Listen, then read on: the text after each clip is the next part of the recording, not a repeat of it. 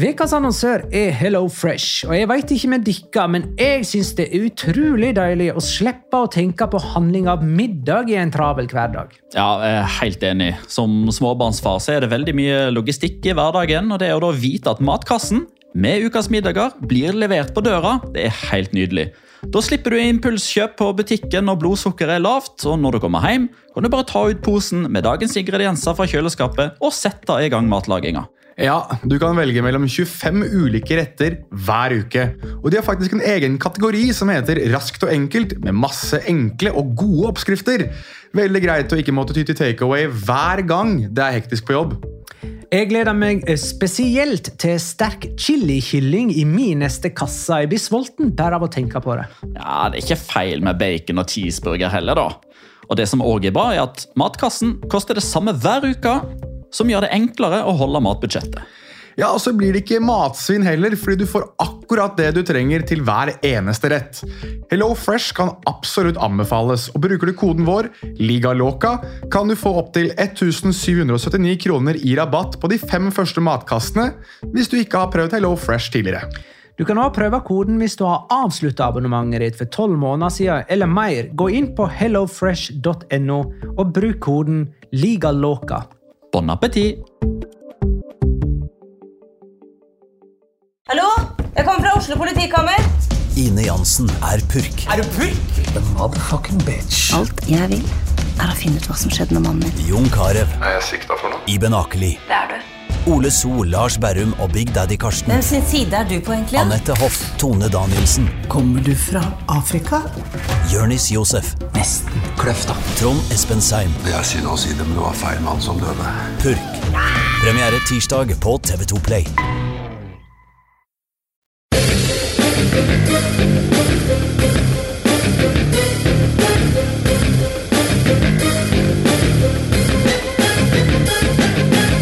Har du sett? Hvis du ikke kunne tro at en kamp mellom Atletico og Getafe skulle produsere sju mål, ja, så tok du grundig feil. Og hvis du ikke kunne tro at Real Madrid og Villarreal skulle spille uavgjort mot hverandre fem ganger på rad, tok du feil. Men hvis du ikke kunne tro at Español skulle slå Barcelona, så fikk du jaggu rett igjen. La liga loca. En litt gærnere fotball. Ja, ja, ja, dette er La Liga Loca episode 195 av det ordinære slaget med Petter Wæland i Spydeberg. hei. riktig. Hei. Du må, du må si hei, ja. Eh, Jonas i Oslo sentrum, hei. Shalom in the home! Og Magnar Kvalvik på Bjerke, hei. Vi spiller vanligvis inn i studio på mandager, men nå gjør vi det hver for oss eh, på en søndag kveld, like etter at eh, Español og Barcelona har spilt 2-2. Eh, sånn har det blitt. Er det noe vi skal si før vi går i gang? Ja, jeg vil bare si at uh, vi spiller inn nå klokka 23.34. Uh, Magnar har fått fram et vinglass. Jeg hører at det er et eller annet Jeg lurer på om det er en TV i bakgrunnen. Og uh, dette her kjenner jeg at dette kommer til å bli en bra episode. Det kan godt være jeg hører feil, men det kan godt være at det er bare fordi jeg har øresus etter den forrykende avslutningen av Barcelona, eller Español Barcelona, som det var. Jeg òg hører litt sus. Det er ikke fra meg. Det kan være fra Petter. Jeg, vet Jeg har eh, ikke en TV på, men jeg har en Mac som holder på å ta, ta Ja. av. Eh, take off. Det er Vifto. Ah, ja. Så eh, Patreon.com slash la liga loca, så eh, får vi snart kjøpt en ny Mac, folkens. Er du sikker på at eh, det ikke nytter å, å sette koblene til strøm? Eh, Den er tilkobla strøm. Den Ja. har til og med 100% Det er greit. Da ignorerer vi de små forstyrrelsene der, og så bare kjører vi i gang med Runde 24, kamp for kamp. Sevilla Elche 2-0. Det var oppgjøret som starta denne runden fredag kveld. Papu Gomez og Rafa Mir skåra for Sevilla. Begge mål kom i eh, andre omgang, og vi kan snakke mer om kampen senere. Cádiz Celta Vigo 0-0. Cádiz fremdeles uten seier hjemme. De har nå spilt tolv heimekamper denne sesongen. Dette er deres verste periode på heimebane, og alt har skjedd etter at de skifta navn på stadion til Nuevo eh, Mirandia, som jeg enda sliter faktisk med å si. Noe av det samme skjedde med Villarreal da de bytta fra El Madrigal til Estadio de la Ceramica. Altså, de er jo så gode naturligvis at det er jo aldri snakk om å gå tolv kamper på rad uten seier, men det ble markant dårligere en periode der på en sånn tre-fire måneder. Jeg må bare må få nevnt her, da, altså, bare for å ta den faktiske kampen mellom disse to lagene altså, Det var jo den eneste kampen jeg har sett på veldig lang tid der jeg um, lot meg fascinere av keeperne. Um, det var en kamp som var morsom fordi keeperne var helt insane gode i begge mål. Så 0-0 eh, høres kjedelig ut. Dette var en mye morsommere kamp enn resultatet tilsier. Og Kadi, som ennå ikke har vunnet hjemme, altså, var jo i grunnen heldige som tok ett poeng her, for Santimina jo bomma jo på straffe i det 84. minuttet. Eh, da var Iago Aspas bytta ut, eh, så han kunne jo ikke ta den straffen, da. Det er et eller annet ved meg som bare liker at en sånn soft penalty gikk mot det laget som nettopp sutra eh, på, på dømmingen. Jeg tenker det litt sånn Ja, mm, kjør! Det er jo, Ok, der er litt skadefryd fra Petter der, altså. Petter han skal få lov til å ha skadefryd. Jeg vil, eh, jeg vil skyte inn for å ta med en ting Dagens som første. dagens første. En ting som har, eh, har skjedd med Celta Vigo, som jeg syns var litt sånn Jaha, ok. Eh, Felipe Minjambres, deres sportsdirektør, har, eh, har jo forlatt klubben og har nå dratt til Levante, som ikke har hatt sportsdirektør. Der har jo presidenten sittet og gjort avtaler som annet har ledet til at vi har sett Martin Cáceres komme veltende inn i La Liga igjen. Så Filipe Minyambres, som eh, også hadde en sånn, skal vi si, en tendens til å se til det skandinaviske markedet, eller i hvert fall skandinaviske spillere, har nå forflyttet seg til, um, til Valencia-regionen. Så da blir det spennende å se da, om vi kanskje får noe Midtjylland eller Nordsjøland eller eh, Mjellby-spillere som det, det, Selvfølgelig ikke noen nordmenn, men eh, noen fra disse nasjonene som velter inn på Ciutate Valencia. Men det som er litt gøy når du nevner Nordsjælland eller Midtjylland Jeg husker ikke hva vei de gikk fram og tilbake der, men de hadde jo en sånn, eh, sånn eh, skryteliste over disse spillerne som Filipe Minjambres hadde henta, og der sto bl.a. Pionicisto. Og jeg er litt usikker på hvor godt det står seg, med tanke på hvordan utviklinga til Pianisisto i Celta faktisk var. Men så er spørsmålet, var det Celta som la ut lista, eller var det Levante som la ut lista? Det var Celta. Ja, det, Der har du poenget ditt, for da var det Celta som var sånn Ja, se hva han gjorde, liksom. Pione Sisto. Det, det, er, det er den eh, det, dette, dette kan vi la gå. Det går helt Å ja, det var Good. Riddance-varianten, ja. Ja, selvfølgelig var det det. Ah, subtilt. Villarreal Real Madrid 0-0. Det er femte gang på rad at disse spiller uavgjort på La Ceramica. Eh, Sevilla tok dermed innpå to poeng på eh, Real Madrid og er fire poeng bak serielederen. Vi kommer tilbake til oppgjøret på La Ceramica. Eh, Rayo Vallecano og Sassona 0-3. Moncayola, Robben Garcia og Kike skåra for Osasona. Eh, Rayo tapte òg sin første semifinale i Copa del Rey hjemme mot Betis denne veka, og ser ut til å ha møtt veggen nå, eller? De har tre tap på rad. Kun én seier på siste fem. De kom, var mot Mallorca i, i Copa del Rey. Nå ser de ut som det nyopprykka laget de er.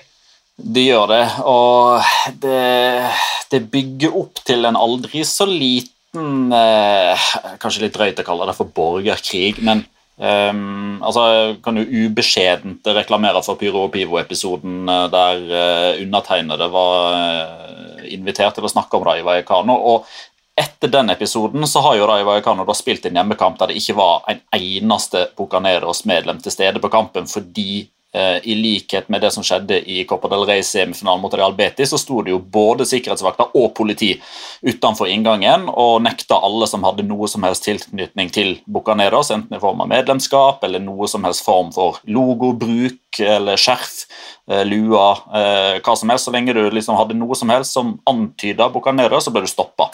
Eh, og da fant jo Rayo-fansen ut at ok, greit, men hvis ikke de skal inn, så skal ikke vi inn heller. Så det var jo helt kvitt på bak, bak målet der. Og For ei uke siden så var det Mario Suárez, som ikke nødvendigvis spiller like stor rolle på banen lenger, men som på mange måter er spillergruppa sin talsmann. Han er jo en spiller som har vært med i 10-15 år nå, som vet hva det går i.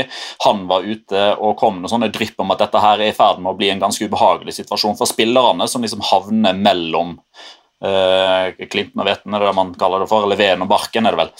Uh, og Oscar Trejo uh, er jo den siste i rekka nå som har uttalt seg på sine egne personlige sosiale medier. Rett og slett bare bedt klubben om og nå må dere rydde opp, vi trenger fansen. Så liksom svelg stoltheten, svelg kamelen. Skjerp dere, liksom.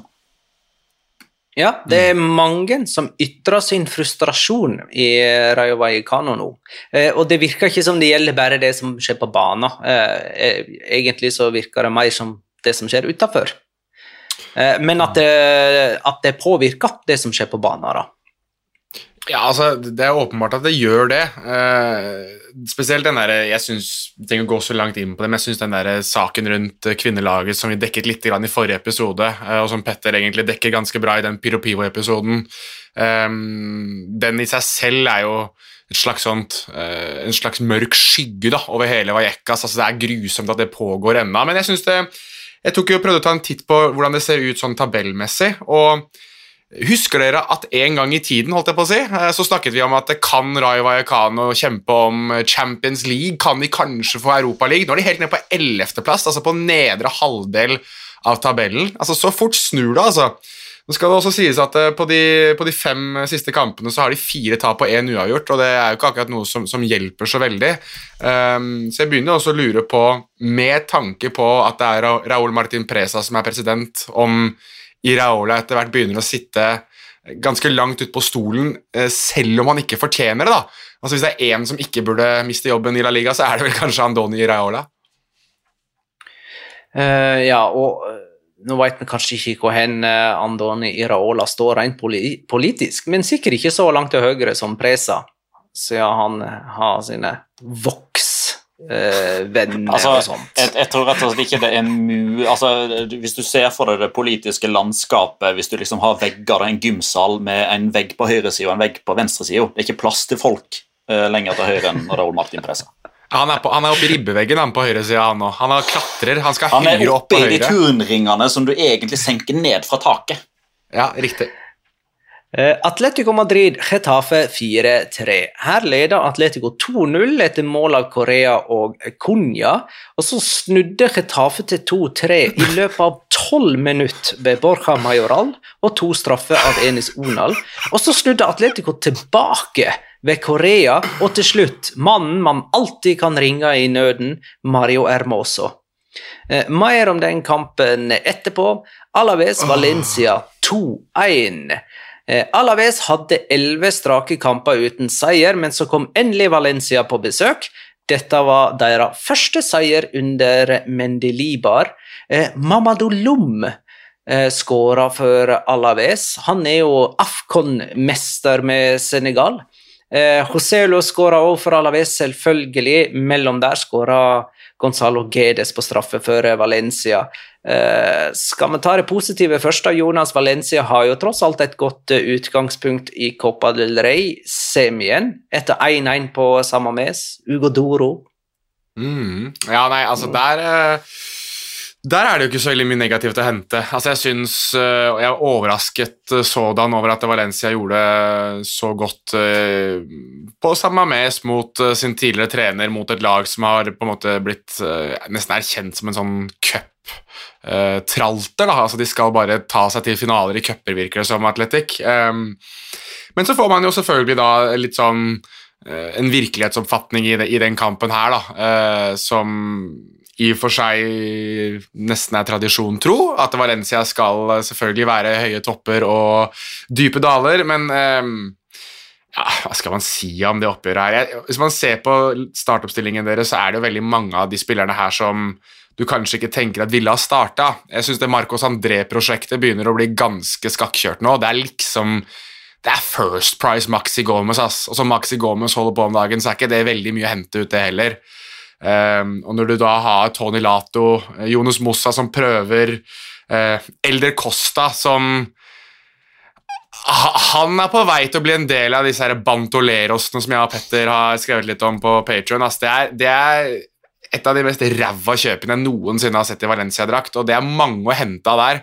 Han begynner å, begynner å lukte på en plass, og så synes jeg bare for å slenge inn den, den ene positive er at uh, Mamardashvili begynner å ligne litt på Mamardashvili fra tidligere i sesongen. da. Um, så det, er, det, blir spennende å se litt hva man gjør for noe på den keeperplassen framover. Men um, at, uh, at, dette er B-laget, det tror jeg utkrystalliserte seg. Og så tror jeg at Valencia egentlig fokuserer mer på å ta, ta seg til cupfinale. Jeg tror det er det Bordalas ønsker. Chris Robin Eriksen spør ligger Valencia på tolvteplass. Svaret er ja. Svaret ja. er ja. Og fikk vi endelig et hyggelig gjensyn med Tarjeta Forsada? Ja, det gjorde vi da Victor LaGuardia stelte seg opp ved siden av dommer, sto og så på han i noen sekunder og sparka bort ballen. Fikk gult kort. Sone borte mot Real Madrid.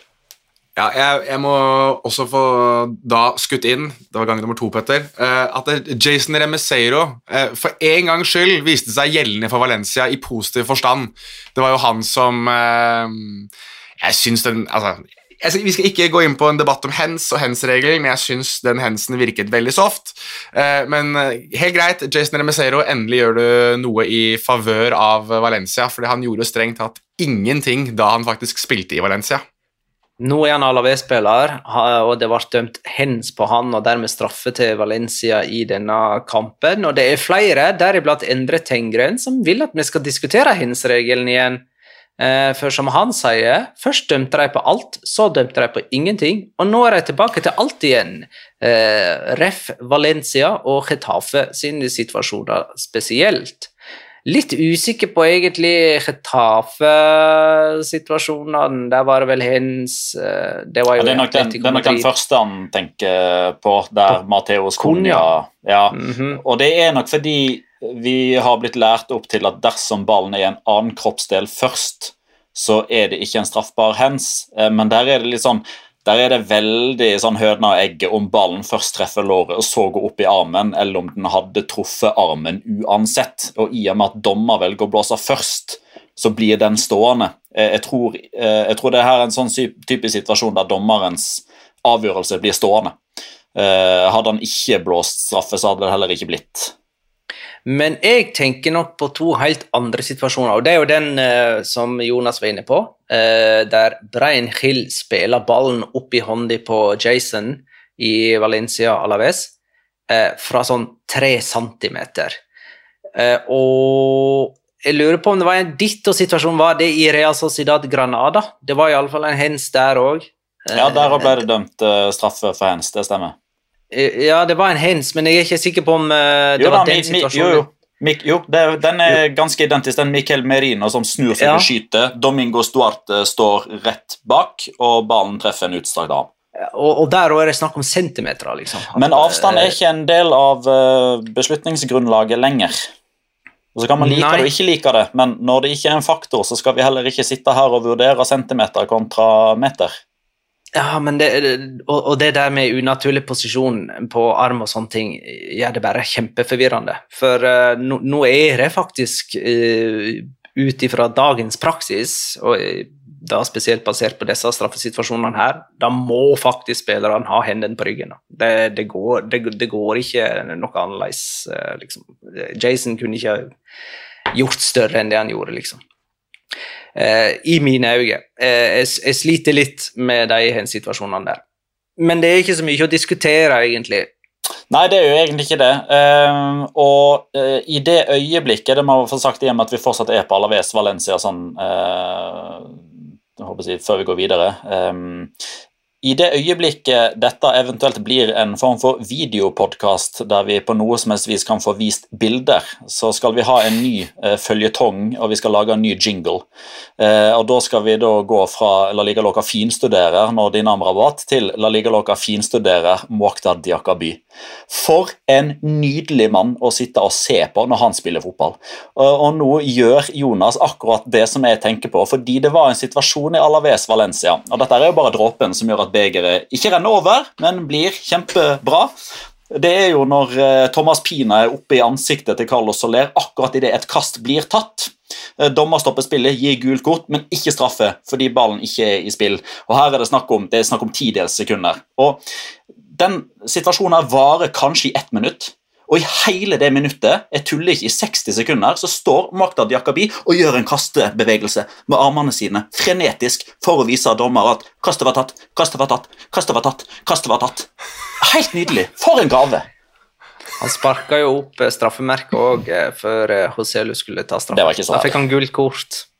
Ja, det var noen som så det for øvrig at eh, Da Valencia skulle ta sitt straffespark, så var det tre Valencia-spillere som sto rundt straffemerket for å passe på at ingen eh, Alaves-spillere fikk gjøre det samme. Altså, nå jo det straffesparket ble, det ble det tatt før Alaves sitt, men uansett, jeg, jeg la merke til at det var jeg tenkte at Skal de begynne å krangle hvem som skal ta straffespark her, liksom? Men nei da, det var bare at det var bodyguarder rundt straffemerket som passet på at det var ingen som kunne tråkke det opp. Det var litt gøy. Men altså, Unnskyld meg, jeg har vært i koma de siste to årene, men kan jeg bare spørre, er det, har José Bordalas blitt Valencia-trener?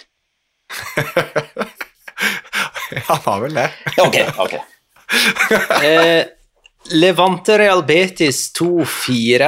Her leder Betis 3-0 etter mål av eh, Nabil Fikir, Edgar Gonzales og William Carvalho. Så reduserte Levante to ganger ved Dani Gomez, og så bestemte Fikir seg for å punktere kampen med et lekkert eh, frispark. Det er niende gang Betis skårer fire mål denne sesongen, og det er femte gang de gjør det borte.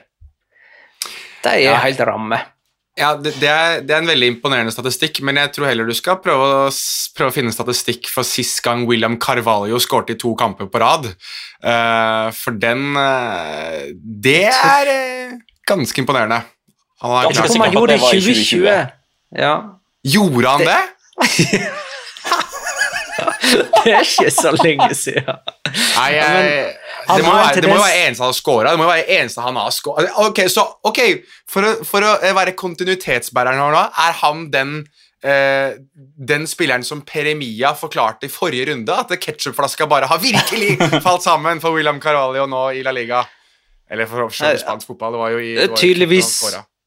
Ja, han skåra i eh, Real Betis sitt cupoppgjør mot eh, Rayo Vallecano på Ja. Vallecas, da Real Betis vant 2-1 eh, der. Men, men det skal sies da at av de fem målene han har til sammen da, etter 117 kamper, så har- det da ved to anledninger kommet i to strake. Ja, det Eh, så det, det, det tar lang tid, men når det først kommer, så kommer det gjerne i en dobbel. Ok, I stand corrected. Em, eh, Real Betis har vunnet sju av sine siste ni offisielle kamper, og nå skal de jo ut i Europaligaen mot uh, Zenit eh, veka som kommer.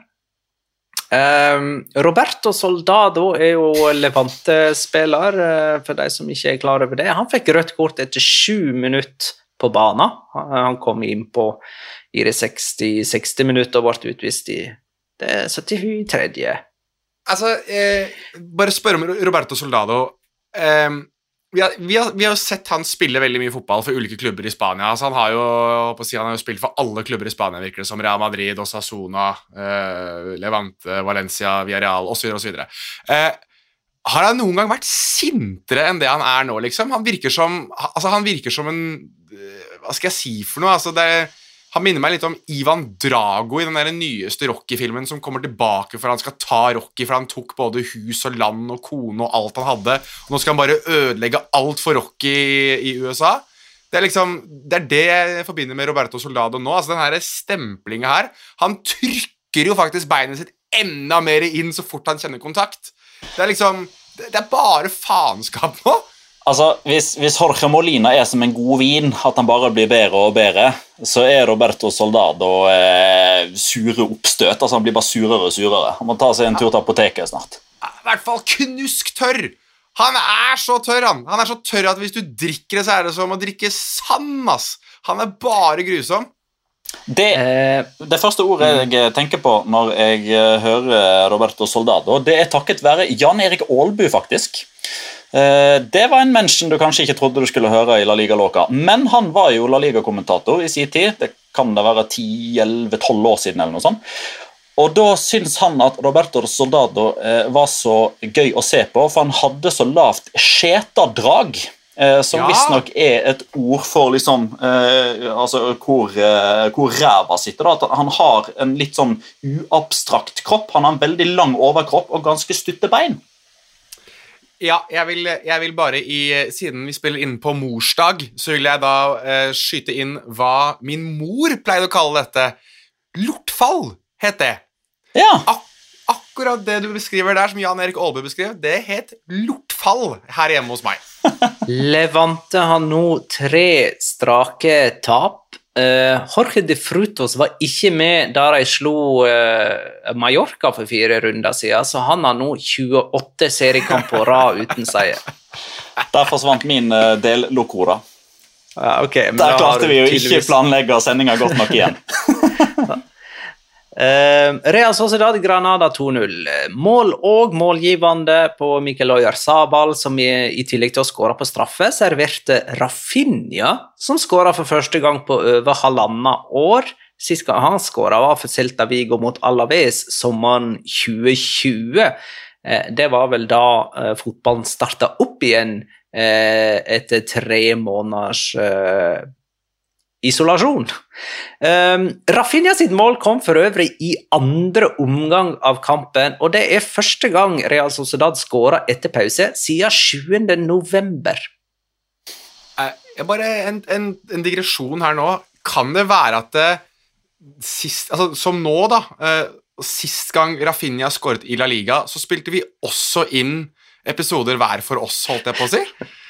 Det er eh, hvis, Jeg mener husker at vi spilte, vi spilte jo inn alle episodene enten hjemme hos deg, Magnar, eller, eh, eller hver for oss. Og Så kanskje Rafinha er eh, litt sånn jeg holdt på å si, kontinuitetsbæreren i podkastform òg.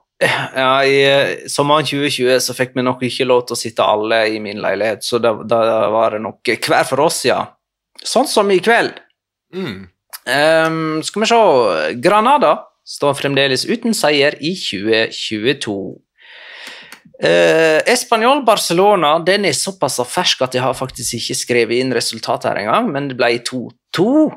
Ehm, jeg har ikke oppdatert det, der er sånn som eh, sånne eh, journalister eh, går igjennom når ting skjer på tampen av oppgjør. Man skriver sine overskrifter, skriver sine viktige punkt, og så plutselig kommer det en skåring som ødelegger absolutt alt sammen. Og jeg har, å, jeg har ikke hatt tid til å endre på det manuset. Nå skal vi se om vi klarer å ta ting i hodet. Pedri sendte Barcelona i ledelsen etter 75 sekunder. Sergi Darder utligna før pause. Eh, Raúl de Tomàs sendte Spanjol opp i 2-1 rett etter pause, og så utligna Luc de Jong like før slutt. Og i mellomtiden så fikk eh, både mm, Melamed og Piquet rødt kort. Og så kommer vi tilbake til den senere. Mallorca Athletic Club har vi ikke fått sett. Den blir spilt i morgen, mandag. Atletic spiller jo alltid på ukedager. Uh, nei, men skal vi gå dypere inn i enkelte ting, sånn som f.eks. Atletico Madrid-Retafe. Getafe. Eh, om to lag skulle åpne slusene bakover, så hadde vi kanskje ikke trodd det skulle være nettopp Atletico og Retafe. Men tiden har forandra seg. Uh, man ser på eh, Atletico Madrid, da, så har de ikke bare sluppet inn 33 mål, men de har òg skåra Hvor mange var det?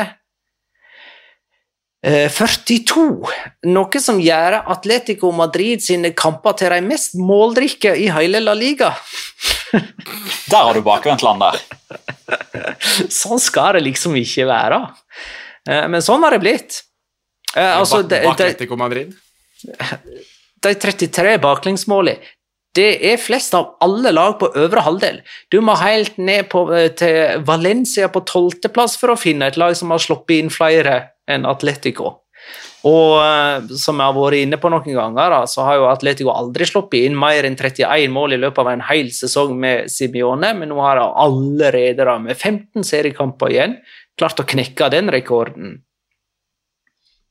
Ja, Hvilken følelser satt dere med underveis i denne kampen? her da? Vi kan begynne idet det Enes Onal satte inn straffe til 3-2 til Getafe. Og dette var før pause. Det skulle være 3-3 til pause her. altså. Ja, altså, jeg satt egentlig bare eh, og humra litt, egentlig. Eh, og så tenkte jeg at eh, Tenk at Diego Simione skulle bli Guds gave til fotballunderholdning. Eh, og så tenkte jeg omsider sånn at eh, nå er liksom Nå begynner liksom galskapen virkelig å komme igjen. Det har jeg savna lite grann eh, det siste, egentlig de siste halvannet, to årene. Det hadde vært litt for lite galskap til å være La Liga Loca. Det var en grunn til at vi valgte det navnet. Det var jo fordi nærmest ukentlig, i alle fall flere ganger i måneden, så skjedde det sånne ting som gjør at du bare sitter og Eh, du bare du mister liksom tid- og steddimensjonen. Du bare blir fullstendig oppslukt i det som skjer. Eh, jeg driter i statistikkskjemaene som jeg vanligvis plotter inn underveis. Jeg bare setter det til side og bare er 100 til stede fordi det er noe som alle, eller ikke alle, som ganske mange kommer til å snakke om i etterkant. og Du vil bare, du vil få med deg absolutt alt. Eh, og det at Atletico Madrid, som da har spilt elleve strake kamper på hjemmebane mot Retafe uten å slippe inn mål. Over 1000 minutter. Og så kommer det tre baklengs på tolv minutter! Altså Nei, jeg, jeg elsker det. Jonas? Uh, jeg så jo den kampen her i opptak fordi uh, jeg hadde lovet meg bort uh, på det, det, tidsrommet der, så jeg men jeg, fikk, jeg hadde skrudd av push-varsler, så jeg ville ikke se noe av push-varslingene. Jeg, hadde fått med meg hva resultatet var, men jeg tenkte at her har det skjedd sikkert et eller annet rart. Uh, men jeg ble sliten da jeg så opptaket. Altså, jeg ble, jeg ble fysisk sliten. Jeg satt bare og Åh, Etter hvert i den kampen. Fordi det var så Det var så Nei, det var litt sånn som Petter var inne på. Altså, du, du, du, det er jo så mye galskap på en gang. Det er så mye som skjer at du, du kjenner at du prøver å prosessere hvordan f.eks. Luis Suárez sin straffemist, da, som i og for seg er litt sånn Oi, ja, ok, David Soria redder straffespark igjen. Fantastisk. Suárez bom på straffe. Er vi inne i en dårlig steam? Og så rekker du ikke å tenke på det før Angel Correa scora igjen, og så har plutselig Mateos Cunha scoret, og så Det er liksom Du, du kastes fra Uh, happening til happening, og så hører du summingen av publikum, og så prøver du å få med deg uh, små nyanser, og når du prøver å sitte og få med deg det, så blir du altså, du, du blir bare kastet rundt i et sånt evig sammensurium av fotball, da, som er fantastisk gøy.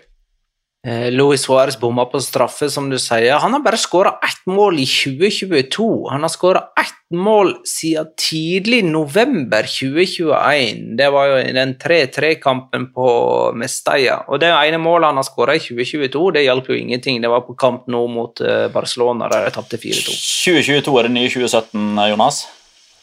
Ja, ja, det, det, det er over, det her nå. Det nå er han ferdig.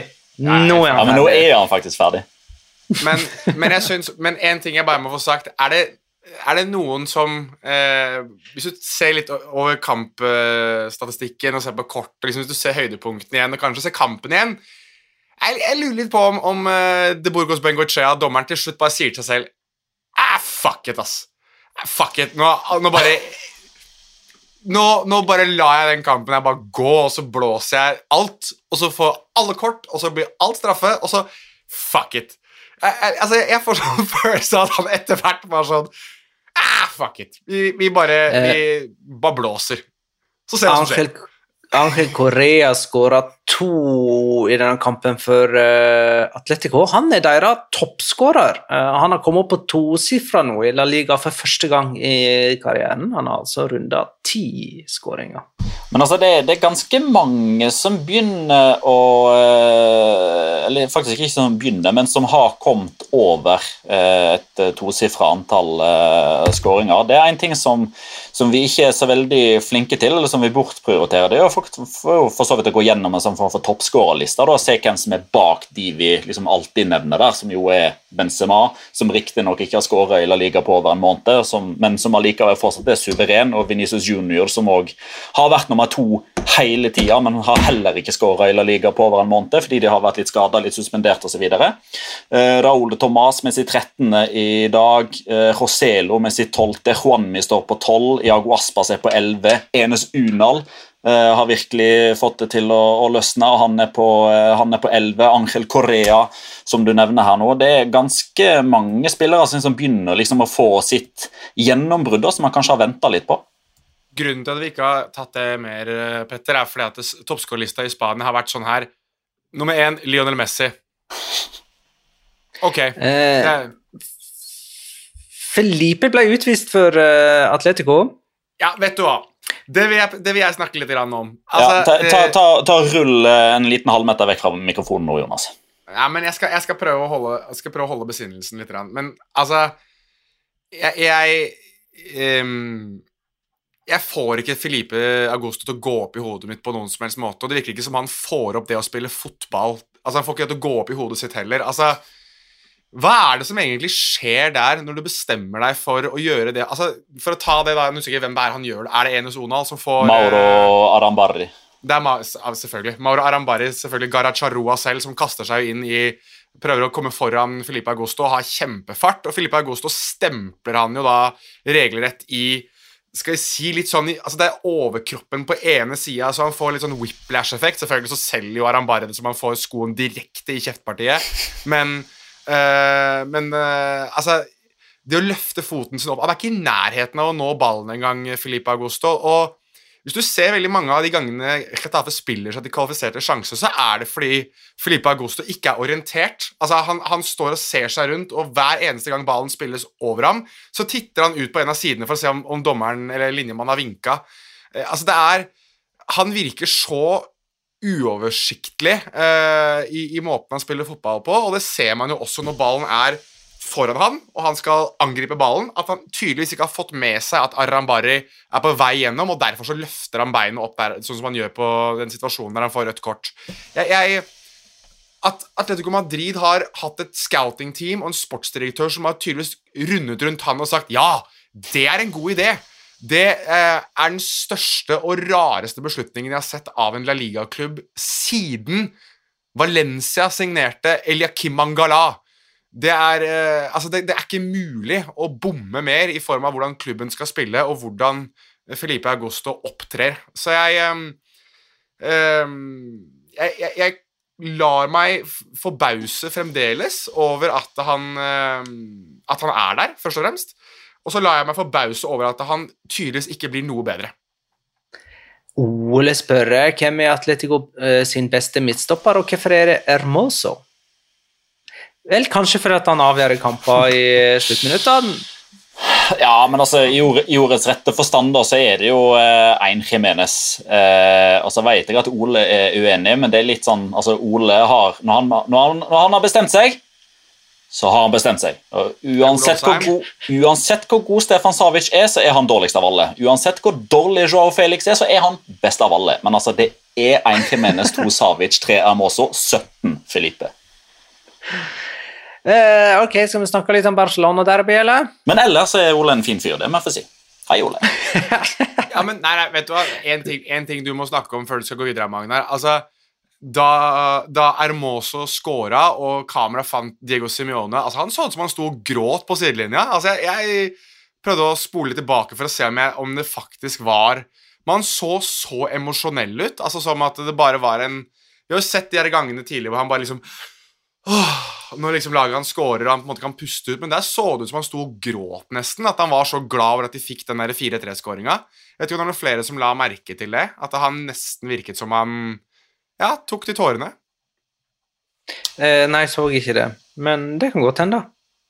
Han er jo en emosjonell type. Eh, Barcelona-derby.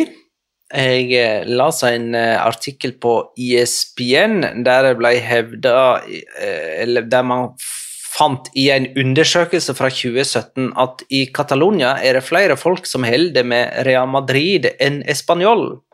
Eh, noe som sier litt om hvor små Español er i dette brødreforholdet med, med storebror eh, Barcelona. Eh, I kveld, for oss, så var Español fryktelig nære å slå sin storebror. storebror. Det har de altså aldri klart på nye stadion sin, Cornea El Prat, skråstrek RCDE Stadium, som de har spilt på siden 2009. Um, ja, hva er førsteinntrykket etter denne kampen? Det er vel en sånn en som har alt, dette. Kanskje bortsett fra straffespark. Ja, hvor skal man uh, Altså Jeg syns det er et par av de kampene her i La Liga denne serierunden her. Og da er jo selvfølgelig klisjeen 'hvor skal man begynne?' Og um, jeg tror at uh, jeg, jeg, går litt tilbake til det Petter sa, at i sånne kamper som det er, så når du til slutt et punkt hvor du bare setter deg litt tilbake igjen og bare sier 'Nå skal jeg nyte det her', og så får det som skjer på skjermen, få skje på skjermen, og så kan vi på en måte oppsummere etterpå, sånn som vi sitter og prøver her. Men jeg sitter, men jeg sitter og sliter med det ennå, for det er en del inntrykk jeg prøver å ta innad meg ennå. Altså, eh, både det du er inne på her, Magnar, med at Spanjol er så nære, og det virket så sikkert. Um, og så byttes Luke de Jong innpå, og så endrer det seg. Det er liksom bare Der sitter jeg og, og liksom prøver å ta inn av meg det faktum at det Men dette her, var, dette her var vi jo inne på. Tenk kombinasjonen Adama Traore, Luke de Jong. Ja, ja, ja, altså x jo... antall innlegg inn i den boksen der, og tenk hva som kan skje når Luke de Jong faktisk er inne i boksen. Nå må han vel være en kulthelt. Nå er ikke han bare et kultpotensial lenger, Luke de Jong. Nå er han en kult. Altså, Han skal inn i, skal inn i den elveren uh, som kommer på patrion.com slash på et eller annet tidspunkt. Ja, han skal det, men jeg, men jeg syns jeg, eh, jeg tror vi kan oppsummere han sånn nå. Uh, han er ingen stor målskårer, men han skårer store mål. Og det, det, er litt Altså, vi har sagt det en del ganger mange, på mange ulike varianter, men, uh, men, der tror jeg vi kan oppsummere Luke de Jong, i hvert fall sin karriere i La Liga. Uh, hvis du han, trenger han har, en scoring, så scorer han som regel det målet. For han har skåra få mål, men sikra en del poeng for Barcelona med de skåringene. Petter har statistikk på det? har du ikke det? Ja, denne, denne, sesongen så er det, det er fire. Altså, han har skåra fire mål i La Liga og en i super, eh, Supercopa. Eh, og de eh, skåringene har sikra fire poeng. Så han og Memphis Depay uh, Depay har jo sikra sju poeng. Dette er jo veldig enkel matematikk. altså Fjern skåringene og se hvor mange poeng du står igjen med sammenlignet med hva du får. Så er det jo nederlenderne som har, eh, som har uh, sikra på mange måter at Barca er i topp fire her nå. Da, og sitter jo kanskje Ronald Coman å tenke tilbake på det han en gang sa. Jonas, hva var det? At Barcelona har en framtid pga. Ronald Coman. Det var det Ronald Coman sa. Og framtiden tilsier jo at han kanskje hadde et poeng. Han har rett foreløpig, men, jeg, men jeg, syns, jeg syns det er litt sånn spesielt å, eh, å se det der at, at Barcelona, som, som før eh, og kanskje kommer til å bli det igjen, var så ekstreme på én type spillestid. Altså, de, de, skulle dø med sin tikki taka, de skulle dø med sine kortpasninger, de skulle dø med igangsetting bakfra. Eh, de skulle dø med, med korte cornerer, korte frispark, nesten aldri slå ballen inn i boksen. De skulle alltid være langs gresset med Chavi, Iniesta og, og Messi som de store protagonistene. Og så skrur vi liksom tida fram noen år, og så har man sånne ekstremtyper som Adama Traoré på den ene kanten, som er en sånn ut ut og sniffe litt ved krittet og komme seg forbi motstanderen og slå inn. Du har Luke de Jong, som er en sånn type som altså der, der Lionel Messi jeg, jeg, kommer aldri til å glemme den kollektive skulderhevinga på Sevilla-spillerne da Lionel Messi kom inn på stillinga 2-0 i Sevilla-Barcelona. Messi starta på benken, Sevilla leder 2-0, Messi kom inn. Alle Sevilla-spillerne opp med skuldrene, kampen endte 2-2. Litt det samme får enhver Barcelona-motstander når Luke de Jong nå kommer inn. Og Det er så absurd å tenke på, men det er jo nettopp pga. det der at han, han har skåra i El Clásico. Det var han som skåra eh, det målet på Mallorca i den fullstendig krisekampen der juniorlaget til juniorlaget spilte kampen for Barcelona, bortimot. Eh, han har blitt matchvinner i Sevilla-derbyet Da han spilte for PSV, så ble han matchvinner mot både Feyenoord og AZ Alkmaar og Ajax. Eh, han har skåra på Santiago Bernabeu og Camp Nou som Sevilla-spiller. Han ble matchvinner i Europa League-semifinalen mot eh, Manchester United og skåra to av tre i finalen mot Inter. Og så kom han inn nå etter, etter 87 minutter. og Jeg er helt sikker på at den samtalen som foregår mellom Sergi Gomez og Luke de Jong For de er jo i bildet sånn 30-35 sekunder etter at sluttsignalet har gått. Etter at uh, man har takka hverandre for kampen osv. Jeg er helt sikker på at Sergi Gomez og Luke de Jong da sier etter sånn Ja, ja. Måtte jo bare skje, det. Ja, ja. Det er sånn det, er sånn det har blitt. Det er sånn det har blitt. Ja, for det var Sergi Gomez som tapte den duellen med, med Luktejong, eh, og virker ganske knust. Eh, Anders M. Berg spør jeg syns eh, Magnar Kvalvik det har begynt å bli kjedelig med Adama Traoré enda. Eh, og svaret er nei, eh, med bare to uker, to av tre uker inni eh, spenningen og moroa med Adama Traoré, som har to målgivende på to kamper. Ikke verst. Eh, han, det, det går jo å se Adama Traoré i Barcelona-trøya eh, enda. Ja, det er det, og, og det, det Altså det, så, det, var, det var gøy å se spanjolspillerne som her i tur og orden nesten hadde en sånn plan om 'nå må du ta han, nå må du ta han', nå må du ta han. Det gikk jo så langt at til og med Raúl Tomàs var nede og spilte back på et tidspunkt for å prøve å stoppe Adama Traoré. Altså, De byttet jo på hvem som skulle kaste seg inn og prøve å stoppe ham på en eller annen måte. og det var jo, altså De, de kastet seg rundt halsen på ham nærmest for å bare prøve å stoppe ham fra å eh, fra å ha noen mening i kampen. Og selvfølgelig så endte det jo med at det var han som hadde assisten til, til Luke de Jong. Så jeg, jeg syns Petter, Petter oppsummerer det veldig veldig fint med hva Barcelona er blitt, men jeg syns det er litt gøy, ja, da. At uh, typer som Adama Traoré har fått en plass i dette Barcelona-laget og tydeligvis er så uh, bidragsytende til den nyfunnede suksessen, da, hvis vi kan kalle det for det, og det at de ligger på Champions League-plass nå. Det er ikke fordi de har et etos om med en Klubb og det der skinnhellige pisset de drev med i litt for lang tid, syns jeg. Det var veldig bra under Guardiola og den perioden hvor de virkelig bygget det der etoset med Xavi, Niesta, Messi, Piquet, Puyol osv., og, og så ble det brukt som et slogan for å selge mest mulig sponsorat til, eh, til Qatar og hvor som helst. Nå har de bare blitt en klubb som baserer seg på enkeltspillere. Og det er, det er gøy å se at Barcelona nå eh, har inngått en liten avtale med djevelen. Og da snakker jeg ikke om eh, Spotify, men jeg snakker om det å faktisk benytte seg av, eh, av enkeltspillere mer enn bare en spillestil. Eh, Barcelona er, som Jonas sier, nummer fire, eh, men A-poeng med Atletico, som er nummer fem. Og de har spilt like mange kamper. Og så bare poenget bak der igjen, så er altså Real Sociedad med 38 poeng. Alle de tre har spilt eh, like mange kamper. Så den kampen om fjerdeplassen, den er ganske kul nå. Eh, Joakim Haugnes spør har man sett mange raskere nedstigninger fra toppen av pyramiden til nederst i fryseboksen enn Memphis Depay. Eh, Hva, hva, hva er greia egentlig med Memphis Depay? Han er skada, da. Er det bare det? Er det så enkelt? Ja, altså så lenge han ikke, han vel- så lenge han ikke trener, Da- så er det jo vanskelig at han spiller. Eh, Så, altså, hvis da han er ikke vært- det noen hvis- fryseboks, Nei, eh, hvis da. han hadde vært tilbake i, i full trening og fortsatt ikke spilte, da kunne vi ha begynt å, eh, å snakke om det. Men, men, men den er litt mystisk, den skaden, fordi han har vært ute lenger enn hva det ble sagt at han skulle være ute. Eh, Så ja, vi, skal, vi kan godt følge litt med på den i, i tida framover. Det kan vi. Ja. Ja, for i januar så var det mye snakk om at han skulle selges. Eller om ikke i januar, så i alle fall eh, til sommeren allerede. Jonas? Ja, ja men det, det handlet jo i større grad om at Barcelona hadde gått vekk fra Ronald Koeman og skulle ha inn Xavi, og det var ganske, ganske enkelt å koble vekk sånne typiske Ronald Koeman-spillere eh, og koble de til andre klubber. Altså Luke de Jong også skulle jo vekk og var jo nærmest klar for Kadis på et tidspunkt, f.eks. Um, så jeg tror nok det lå, lå altså Selvfølgelig, jeg tipper at det er de spillerne som det var mest sannsynlig å selge på det tidspunktet der man skulle heve det lønnstaket.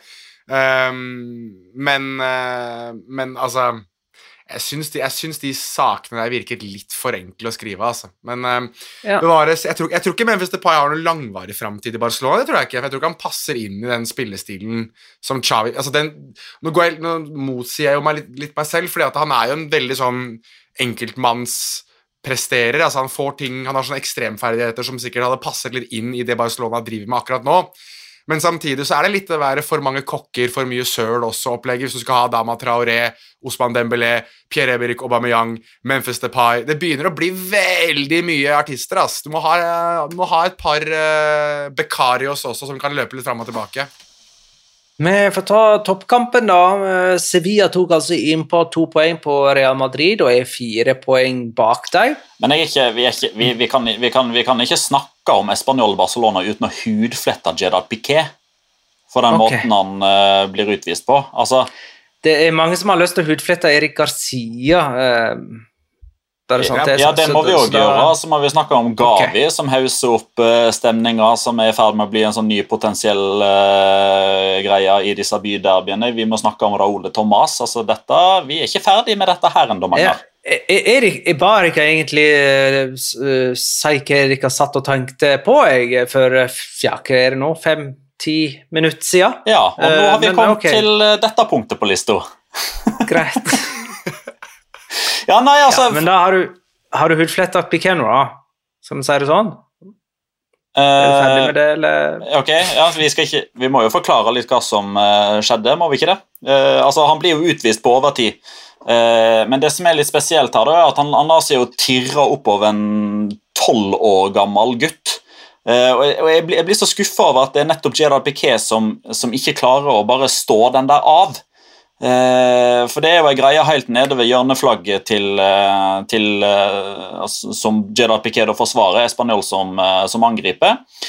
Eh, og så er det Nico Melamed som framprovoserer en, en reaksjon der, som dommer først håndterer på en ok måte. Fordi det er helt riktig at Nico Melamed skal ha gult kort for den nedrivninga som skjer pga. at Piquet er borte og altså, ser sånn ut som at han forsøker å daske han litt i bakhodet. Ikke noe slag, eller noe som helst sånn, men tirrer fram en reaksjon. Eh, men så er jo hele situasjonen er jo over. Barcelona har fått frispark, Nico Melamed har fått gult kort, ballen er død, den skal klinkes opp, og de skal jakte utligning. Men da er jo Nico Melamed så smart slash dum at han inviterer til en ny disputt etter at dommeren har blåst. Og når da Piquet inviterer til hanekamp og sånn geitebukk-variant mot en fyr som er 17 år yngre og 23 cm lavere, da faller han i kurs hos meg, altså. Um, ja, og så var det neste på lista. Uh, Gavi, Uh, bare en liten sånn uh, Det kommer garantert til å bli huska neste gang Barcelona gjester RCDE Stadium. Den måten han jubla på for den skåringa som ble annullert, og den hetsinga han fikk i retur. Skjedde. Nei, det var jo altså opp som en bjørn og ned som en skinnfell. Var han hoverende i jublingen, mener du? Og så enormt. Så enormt! Og det er, det er, ja, ja, det, det, det er akkurat den type scoring som ikke skal bli annullert av VAR, når det er du som har liksom stelt i stand trøbbelet. Det er litt som å stå og geipe og vise finger og øh, være ordentlig sånn bajas. Så, eh, eh, du, kompis, ble annullert.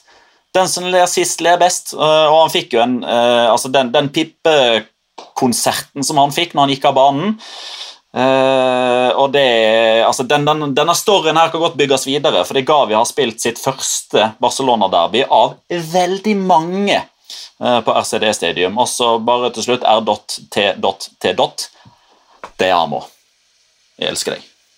Men uh, jeg er enig, jeg elsker uh, Dottefar, jeg òg, men den sveisen han har fått seg nå, den må han legge av seg, ass. Det er, Han får lov. Det, nei, han får Han ikke får lov. Nei, det er Vi Vi må altså, jeg- slutte å diskutere sveise, altså. Folk Nei. må jo få ha det håret de vil. Nei, vet Det er det er jo ingen det er Nei, jo ikke. Personligheten vokser ikke på hodet, liksom. Det, det er jo inni der. Hvordan, hvordan kan du, Magnar, som en mann som, som, som meg, ikke ha hår på hodet lenger? Disse menneskene de nyter det lange, flagrende håret, og så gjør de sånn piss som det der. Driver og lager sånne fletter som man hadde på sydentur på 2000-tallet, når du drev og eh, drakk eh, Trodde at du drakk piña colada, og så var det bare ananasjuice i et jævla glass. Fuck det, ja! Få vekk det greiene der. Jeg gidder ikke RDT skal drive og holde på sånn.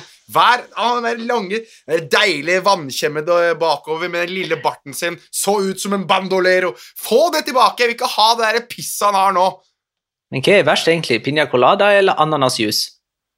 Jeg vil mene at ananasjus er ganske mange hakk verre enn piña colada, for da kan jeg i hvert fall få en liten bøss og glemme det der jævla håret til Raúl Thomas! Og Apropos, da har vi funnet to likheter mellom Raúl Thomas Tomas og Erling Braut Haaland. Zen-feiring og piña colada.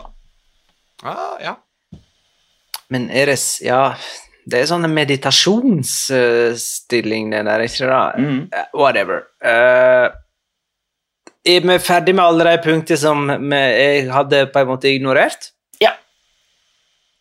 Greit. Sevilla og Real Madrid kjemper om uh, tittelen seg imellom. Den vinner jo Real Madrid, Sevilla har ikke sjans. Men eh, det var jo litt moro at både Lopetegi og Ancelotti hadde sin hundrede seriekamp som trener for sitt lag eh, denne helga her. Eh, Sevilla slo altså Elche med 2-0 på Ramón Sánchez Pijuan. Litt vakkert, og Papu Gomez feira skåring med Lopetegi eh, der, eller? 1-0-skåringen. Mm. Han har vært en nyttig tilvekst, Papu Gomez. Du kan, du kan bakhistorien til hvorfor det, han løp til Junior Nei, Lopetegi, eller? eh, fortell gjerne. Ja, nei, altså Junior Lopetegi mister jo svogeren sin nå eh, tidligere denne uka her. Altså, hadde veldig sånn stor eh, greie i familien. Altså At hans kone mistet broren sin, og at det hadde vært vanskelige dager. og Han snakket jo om dette her i, eh, i pressen etter kampen og vel i opptakten til kampen òg, at det hadde vært en veldig belastende uke for familien og en belastende tid for familien. Så øh, da feiret uh, like så godt uh, lagkameratene med treneren Eller lagkameraten, sier jeg, spillerne hans feiret med treneren. Så det var uh, et fint lite øyeblikk. Martial med målgiverne òg. Var han ellers noe god? Han var bedre enn mot Osasuna, i alle fall. For da, ja, det, det var vi inne på. altså Måten han ble liksom spilt varm uten at han ble varm. Men uh, foran egne supportere så fikk han litt, eh, litt bedre arbeidsforhold mot et lag som ikke Altså, det, det er jo én ting, eh, og dette skal jeg kreditere Eirik Oren for, for han driver jo han har jo sine egne sånn finurlige Elche-statistikker. Eh, og en av de som gjør at eh, Nå har jeg ikke sett han på noen uker, for han har vært der nede og han har kommentert litt skøyter her og der, så jeg har ikke truffet på han på kontoret på, på noen uker. men jeg regner med at han har fått noen ekstra eh, grå hår for måten Elche forsvarer, eller riktignok ikke forsvarer, den høyresida si. 14 baklengsmål har de etter innlegg eller pasninger som er slått fra det området som enten Antonio Barragan eller Hallibelton Palacios ikke klarer å forsvare. Ja, og det var, ja, det var der uh, Papi Gomez dribla seg fram og, og skåra 12 touch fikk han ta. 12 touch. Mm. Mm. Eh, Rafa skåra det andre målet for Sevilla. Det var jo Enesiri som starta, men Rafamir som skåra etter innhopp. Hvem er den nyttigste spissen i Sevilla? Ja, nei, altså Her er det Petter var inne på 'Kill Your Darlings' litt tidligere i dag, eh, vet jeg. Eh, du, snakker jo med en kar som strengt tatt har vært eh, Hva skal det for noe Hvis uh, Rafamir er Jesus, så har vel jeg vært Johannes. Jeg er da første disippel og følg, følger i helt siden Wesca-tiden. Men så er Josef Enesiri er marokkaner, så jeg kan liksom ikke gå imot han heller, så jeg, Nei, jeg veit da faen, jeg. Det Få si da familie da, bare for å ta det Det er denne uka, neste uke så er det Nesiri igjen. Ja, men altså, vi, vi, vi kan jo bare si det sånn, da, at eh, eh, Når var det? Jo, det var januar 2021, ja. Eh, da Westham skulle betale 40 millioner euro for Josef Nesiri, Da, da satt vi liksom Hæ?! Hvorfor selger ikke Sevilla?! Og så gikk det et halvt år, og så var det nytt overgangsvindu. Nye Westham-rykter. Og det er sånn 40 millioner euro, kom igjen, nå! Det blir det dobbelte, minst. Nå er det sånn at hvis Westham har lyst til å ha Josef Enesyre, så er det bare å altså, bestille flybilletten. For, for den, der, den der auraen som han hadde en liten, kort periode der, den er så vekke, den nå. Den er så langt vekke. Han har slutta å snuble inn mål. Ja, men Det er det som er Eh. greia. Altså, han, er, han er jo eh, altså, han, er, han er en litt for stor utgave av Carlos Bacca. Så han, han mister faktisk kontroll på alle disse leddene sine.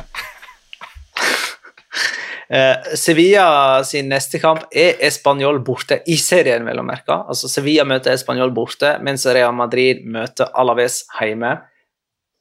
Unnskyld.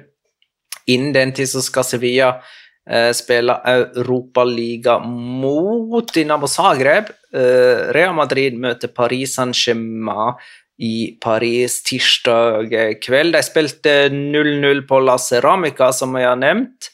Eh, begge kampene mellom Villarreal og Real Madrid har endt 0-0 denne sesongen, men eh, det var ikke kjipt på La Ceramica denne helga her.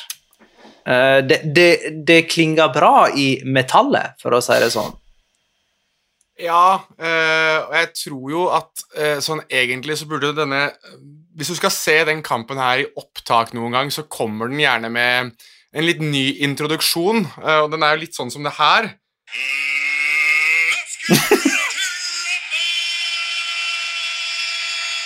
Tok ikke han? Det er øh, hvis, du ikke, hvis du ikke tar Michael Buffer øh, Hvis ikke du vet det her er tidenes um, fremste bokseannouncer, som før alle storkamper i boksing står og hyler 'Let's get ready to rumble'.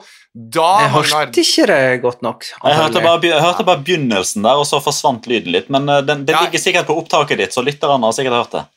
Ja, jeg, ja. så, jeg, får så mye kjeft for å, at jeg er så nærme mikrofonen, så jeg tok den litt vekk. Eh, men uansett, det var eh, det jeg lot meg fascinere mest av her, var den tag team-kampen som foregikk mellom eh, altså Det ene laget var Raúl Albiol og Juan Foyth mot eh, Eder Militao og Venezia Junior. Eh, de fire der de hadde bare lyst til å slåss, de. De hadde bare så, de hadde bare så lyst til å slåss. Det var, var sånn Du burde egentlig bare ha enten bare blitt enige om å lage en sånn liten brytering eller boksering midt i, så de bare kunne slåss litt eh, sånn underveis i kampen. For det var bare krangling og bare slåssing mellom de fire der, og det var like gøy hver eneste gang. Uh, Gareth Bale starta faktisk for Real Madrid. Uh, han hadde flere avslutninger enn vellykka pasninger. Seks avslutninger og fem pasninger. Uh, og det er vel der han skiller seg fra Karim Benzema, kanskje. For Benzema er jo med i oppbyggende spill, for å si det sånn. Ja.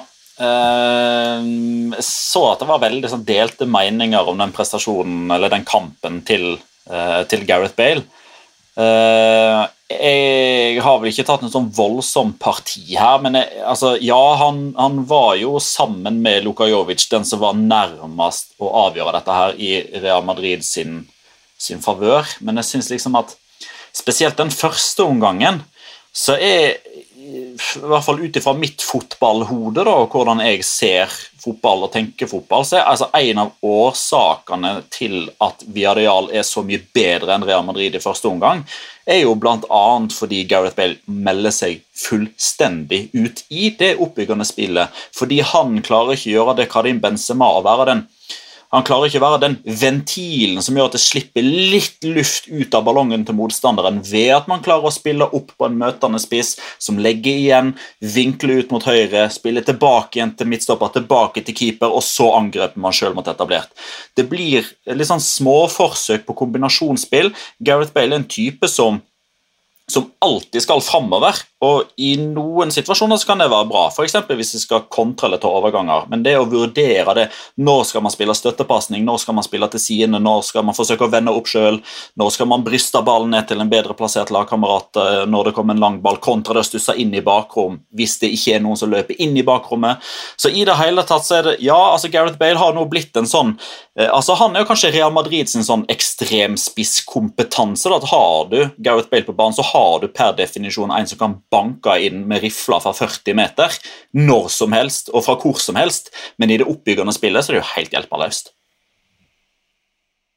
Eh, Real Madrid har bare én seier på de siste fem 90-minuttene sine. Uh, altså, de hadde jo en uavgjort mot Elche i Copa del Rey, men vant i ekstraomganger. Eh, så, sånn, formen virker ikke å være helt ypperlig akkurat nå, og de møter altså Paris Saint-Germain i Paris på tirsdag. Er Benzema klar da, eller? Modric, er han med da? Mendy? Ingen av dem spilte mot Villarreal. Benzema er klar. Det har, de visst, Ja. det har man vel meldt allerede. At, eh, det tror jeg der tror jeg, Hvis ikke hun har blitt ringt allerede, så tror jeg hun der serbiske morkake, hestemorkakedama Hun har blitt satt i sving igjen nå for å prøve å hjelpe Benzema klar. Har ikke hun, har ikke, ble ikke hun booka av Neymar for et par uker siden? Er ikke hun opptatt? Ja, de, hun, hun må vel kjøre charter mellom Paris og Madrid, da, de, eller det som enn måtte være, for å prøve å rekke begge to. Altså, nei Benzema, Benzema kommer de til å lappe sammen. Han må de få ut på banen på en eller annen måte, og det har de vel nesten gått så langt og sagt at de, de kommer til å gjøre òg. Benzema har vel selv sagt også at han blir klar, så, så den er vel den er temmelig bankers, og det er jo noe man Altså, jeg syns det er litt sånn Venicius, Bale, Ascencio det er, To av tre er spillere som er mest sannsynlig ser på tredjemann og tenker vi skulle begge to egentlig ha vært deg. Altså Bale og Ascencio i sin tid ble hauset opp på lik linje som vi nå hauser opp Venicius Junior, med rette. Um, og ingen av de er spisser. Og den jeg tenker mest på her, og det er litt sånn interessant at han kom inn og hadde en, eh, en avslutning i tverleggeren uh, Riktignok så ble han jo avhengig for offside den situasjonen, men, men Luka Jovic kan ikke sitte og føle seg mye høy i hatten altså når han ser det uh, trekløveret der spille på topp mens han sitter og råtner på benken. Uh, det syns jeg var en interessant observasjon. Um, Real spilte en bra kamp her, i alle fall første omgang. Litt typisk kanskje for et Emery-lag at de ikke er så bra etter pause. De har spilt nå, via Real, 25 strake kamper uten seier mot Barcelona, Real Madrid og Atletico. Det er først om halvannen uke at de skal i aksjon i Champions League mot eh, Juventus. Eh, Jonas? Ja, jeg, jeg, vil bare uh, Jeg vet ikke om noen av dere har den der som Locora, så jeg tar en liten sjanse her nå. Men det er en situasjon i den kampen her som irriterer meg noe voldsomt, som jeg gjerne vil ha litt feedback på. Og før jeg fyrer meg opp rundt den situasjonen her, så skal jeg prøve å bare stille spørsmålet veldig sånn uh, nøkternt. Uh, Dani Carvajal, er det, er det, kun meg, eller skal han vises direkte rødt kort for det han gjør mot Gio Lo Celso? Altså jeg syns det er så stygt, det han gjør. Altså Når Lo Celso ligger på bakken, og Carvajal står like ved siden av, og han måker ballen rett i ansiktet hans Altså Det er ikke sjanse i havet for at han ikke gjør det med overlegg. Altså Det er Jeg kjente at jeg ble sånn Det der er så stygt, altså. Det er så ekstremt stygt, for treffer du feil der, så kan det gå riktig ille for Lo Celso sin del. Altså, det vet vi jo ikke. Altså, det, er ikke. det er ikke kroppen, det er ikke på beina han sparker fotballen, det er direkte i hodet på Lo Celso. Uh, så jeg vet ikke. Jeg ble bare sittende og tenke etterpå sånn Burde ikke det egentlig ha vært direkte rødt kort for usportslig oppførsel?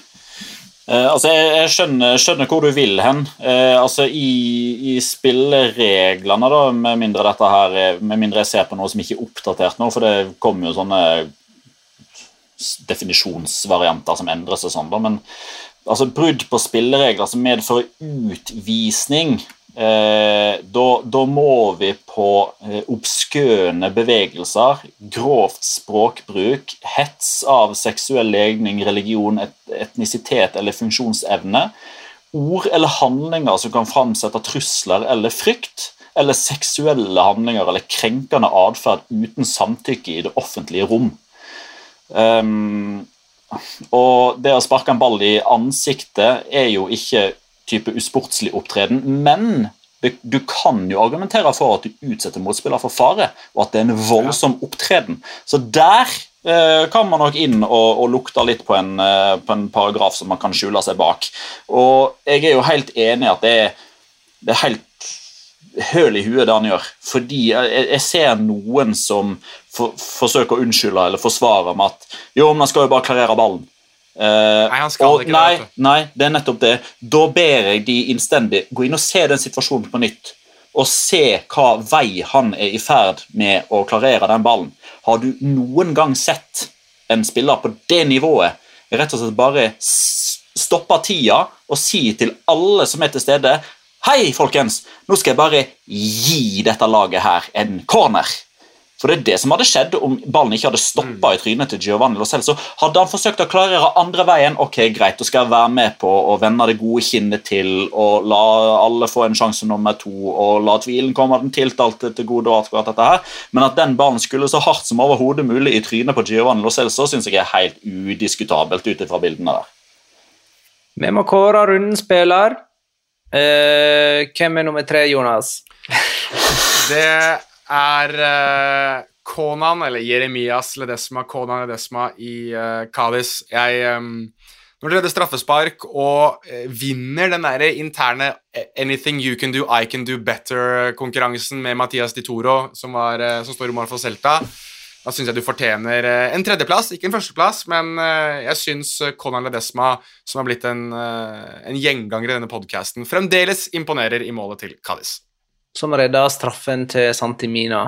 Ja, riktig. For eksempel. Eh, hvem er nummer én og to, da, Petter? Har vi blitt enige der, eller? Det, nummer to er Raoul de Tomàs. Eh, og det er litt på grunn av at han eh, hadde en ikke akkurat ferdigskåra pasning til Sergi Dabder. Den var som sagt ikke ferdigskåra, men assist blir det jo allikevel. Han får et målpoeng der. Eh, Skåringa, som jo er altså det er jo en fotballskåring som er eh, håper jeg, framvisningen av den zen-roen som man viser i feiringa. Altså, det er jo så kaldt og rolig og kontrollert med først en bevegelse mot, og så inn bak. Demper på brystet og har da så god tid at han klarer å la ballen sprette et par ganger.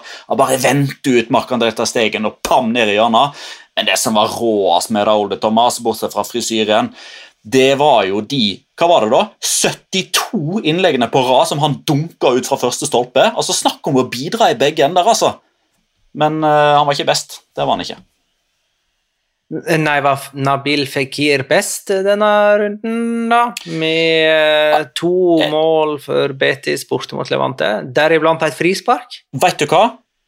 Nå som Vinicius ikke liker helt lenger akkurat nå, og Benzema er skada, og Messi ikke lenger er der, jeg sier det. Nabil Fekir er den beste av alle. Han er den beste av alle. Eh, Vegard Angelsen eh, lurer på hvor lenge kan Betis holde av en såpass god spiller? De forlenga kontraktene eh. til 2026 med Nabil Fekir for eh, tre uker siden. Så 2026, kan, helt, helt til da, kan Betis holde en såpass god spiller. La oss håpe, i alle fall. I 2026 tar han steget ned til Atletico Madrid. Da er det tid for Locora! Ukens La Liga Locora. Locora. Locora. Locora. La Liga Locora. Uh, jeg kan fortsette med Nabil Fikir. For eh, det frisparkmålet til han, det var det første frisparkmålet i La Liga siden Monjain skåra på direkte frispark for Atletic i basketderby på Anueta i den tolvte serierunden, altså tilbake i oktober. 119 La Liga-kamper har det gått mellom to skåringer på direkte frispark i, eh, i spansk toppfotball. Sånn går det altså uten Messi. Vi var jo vant til frisparkmål i annenhver serierunde. Det er det slutt på. Det har for øvrig blitt skåra fem mål på direkte frispark denne sesongen. Alle har blitt utført av en spiller på bortebane. Eh, fire av de frisparkmålene kom altså i løpet av de første tolv rundene, og så har det blitt stilt fram til nå, den 24. Med, med, mindre jeg talte feil i løpet av Real Sociedad Granada og Español Barcelona, der mener jeg å huske at det var fire eh, direkte skudd på frispark. Det betyr, og nå bygger jeg på eh, tweeten til Mr. Chip 593 frispark av type direkte skudd eh, har blitt utført, og kun fem har endt med mål. Det er en vanvittig dårlig uttelling. Altså tre kan straffe mål. altså 100 frispark eller straffe, liksom. Dette er ikke frisparkets år i Spania. Det er det ikke.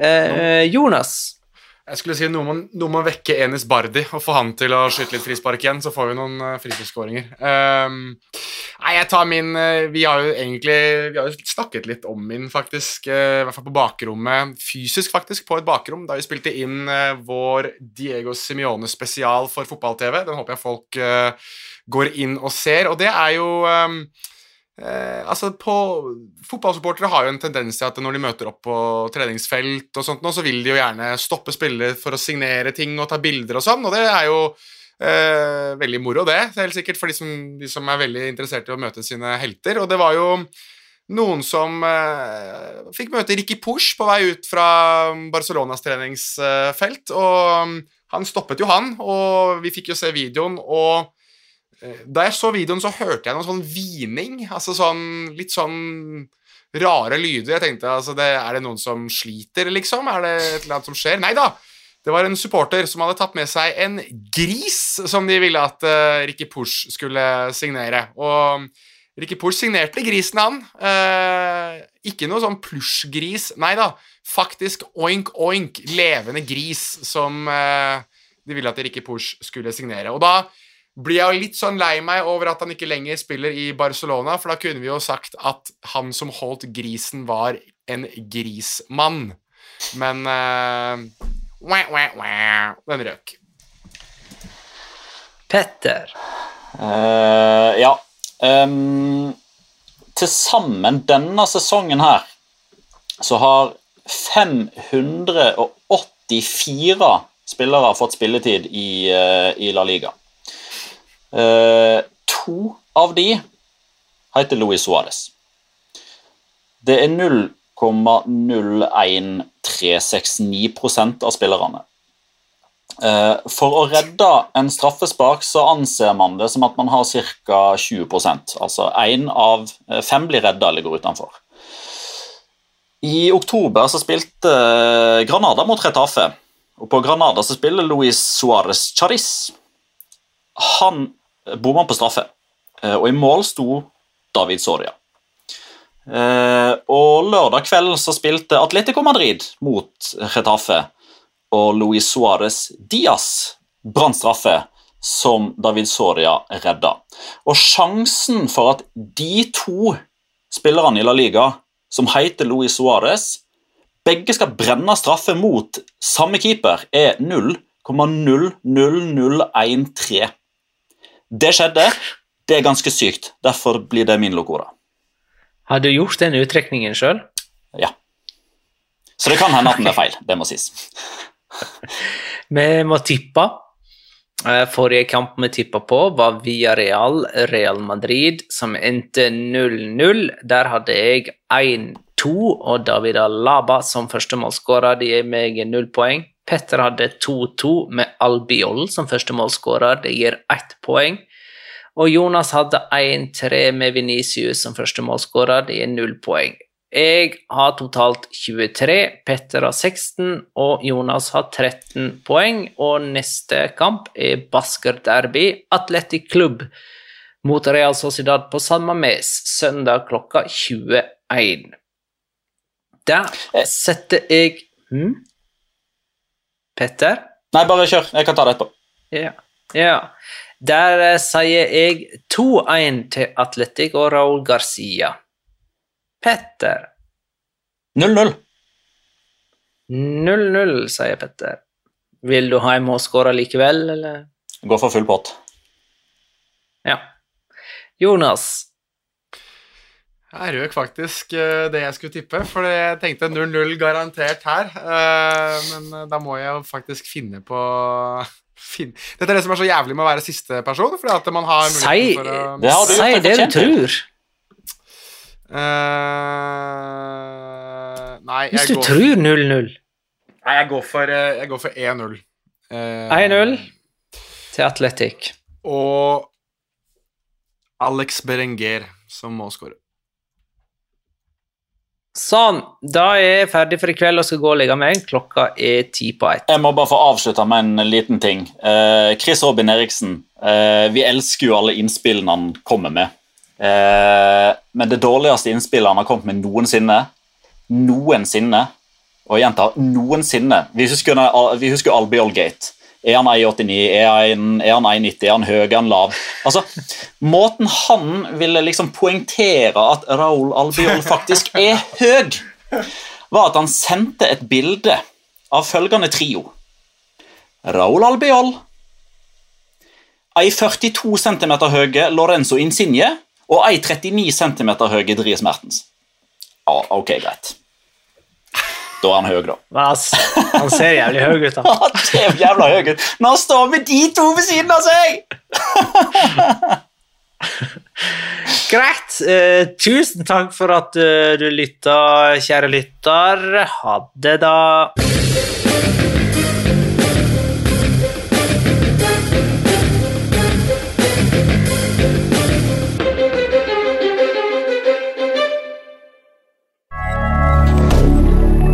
Moderne media. Har du et enkeltpersonforetak eller en liten bedrift? Da er du sikkert lei av å høre meg snakke om hvor enkelt det er med kvitteringer og bilag i fiken, så vi eh, gir oss her, vi. Fordi vi liker enkelt. Fiken superenkelt regnskap.